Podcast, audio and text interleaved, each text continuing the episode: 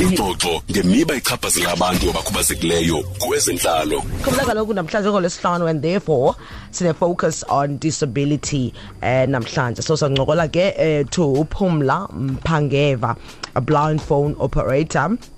kwi-department of justice uzakasherishe ke nathi into yobana ingaba mhlawumbi ke some of the challenges um you know athi ke aziface now and again elifini zithini na miss phangeva siyakwamkela enkqubeni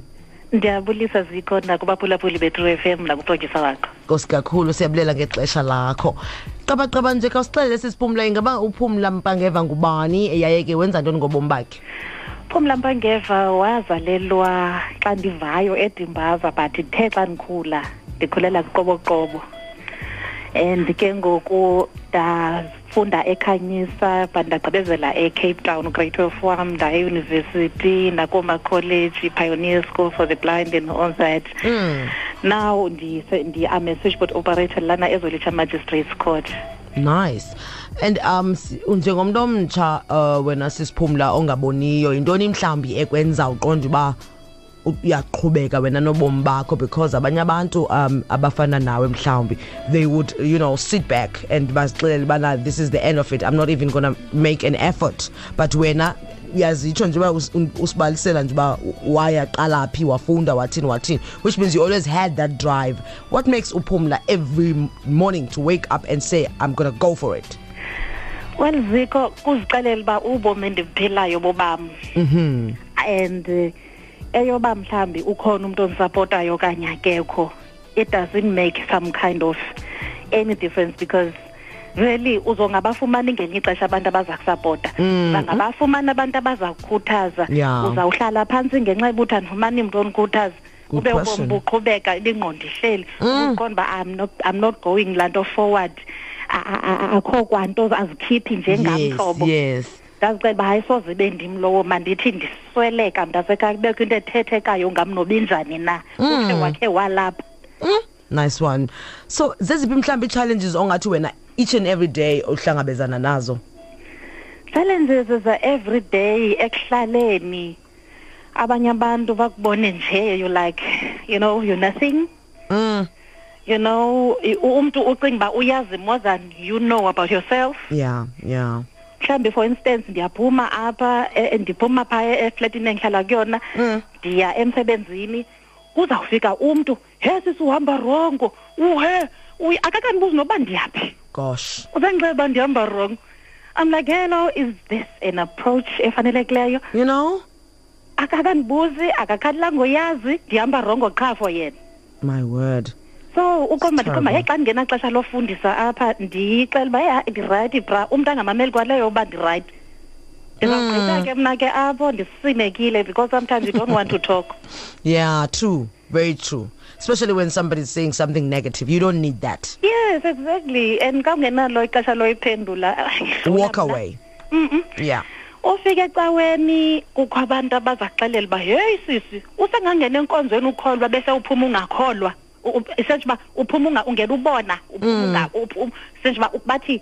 bathi ungena ungaboni yes uphinde uphuma ungaboni yeyi awukholwa mani hayi bo luphi ukholo lwakho jonga wow. enkonzweni awusawazi umthendeleko because you get hurt by the by izinto ezithethekayo hmm, izinto ezenziwayo ngakuwe ukhona uyangandawo hmm, baze hmm, badiscusse kukho instances lapho kuzomela mhlambi kuhlanzwa inyawo kwezinye sessions okanye nihlambana inyawo bazobuza into ba he yena uzawukwazi undihlamba inyawo ke ngoku now that akaboni ntontoni akuzubuzwa kuwe basisisina le deal hmm. umphendeleko uzawuthi sowubuzwa wena kube saqale kwadiscusswa ngawe as if you are dead okay enough i've had enough already i don't want to hear anymore i can take it like seriously that is so terrible though mm. Mm. Okay, now, Pumla, I'm going to give you a platform for you to say something to these people. I know you're not an angry person and you're not a negative person, but what do you think can be done, um, you know, to change this attitude in eh, society towards people? I'm not, I'm not going to say specifically about, about blind, but I'm going to say towards people who are living with a disability. What what is it that what, that can be done? the ebalulekileyo mntu wasekhaya ingaske apho sikhulele khona kuqalwe khona emakhaya. Mm. umntu kungathiwa xa kuthethwa ngabazali ebantwaneni kubonakale kukho abantu who are looked at as nothing mm. kuthiwe xa kuthethwa ngala mntu kuthiwe well esasibhaqa wow laa mfama yeyi jonga i hate ubizwa ngento mm. andidalwanga nguwe mntasakhaya unondibiza ngemfama jonga andiboni suthi ndisuthi yimfama mm, and sixhosa sothi yosoga eso esasibhalwe ebhayibhileni andisifuni mna and andifuna uremindwa uba andiboni every day ii-challenge zam ziyandikhumbuza uba andiboni ya yeah. and ama yazi abantwana bakhula beyibona laa nto uba yho hayi ubani uya-andaminwa so nathi we might as well treat her the same mm -mm. ukubone mm. nasemsebenzini ke sinalo society injalo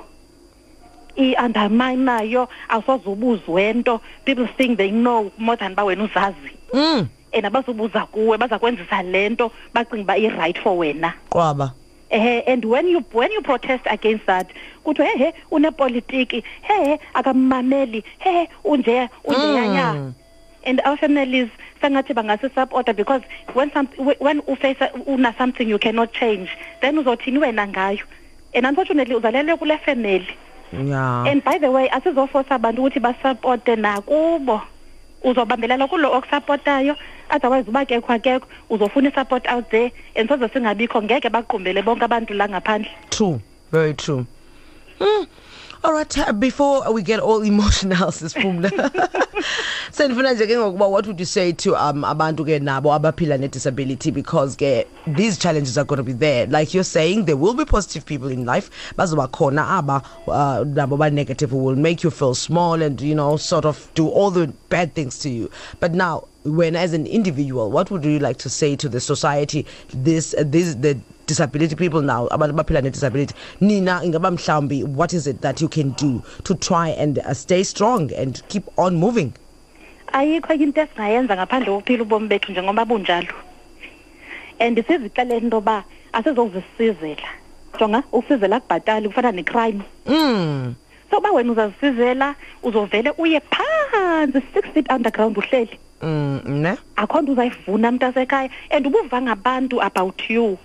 abacela uba hayi siyayazi ngawe and awuzosixelela hayi asizokukhiphela uzawuva ngabo bese bakutshonisa phansi ngcono ke ubambelele kumntu ozokwazi ukukubhusta akusapote and naye xa kufika ixesha loba isizini yoba ifike uba makahambe kuwe mile myeke ahambe mntazeka thixo uzamveza omnye umntu and emisebenzini ngaske siphatheke ngendlela mani okay nice one sisiphumla nice talking to you thank you so much pleasure ma ndiyabulela ezentlalo 9 to 11 am monday to friday on true fm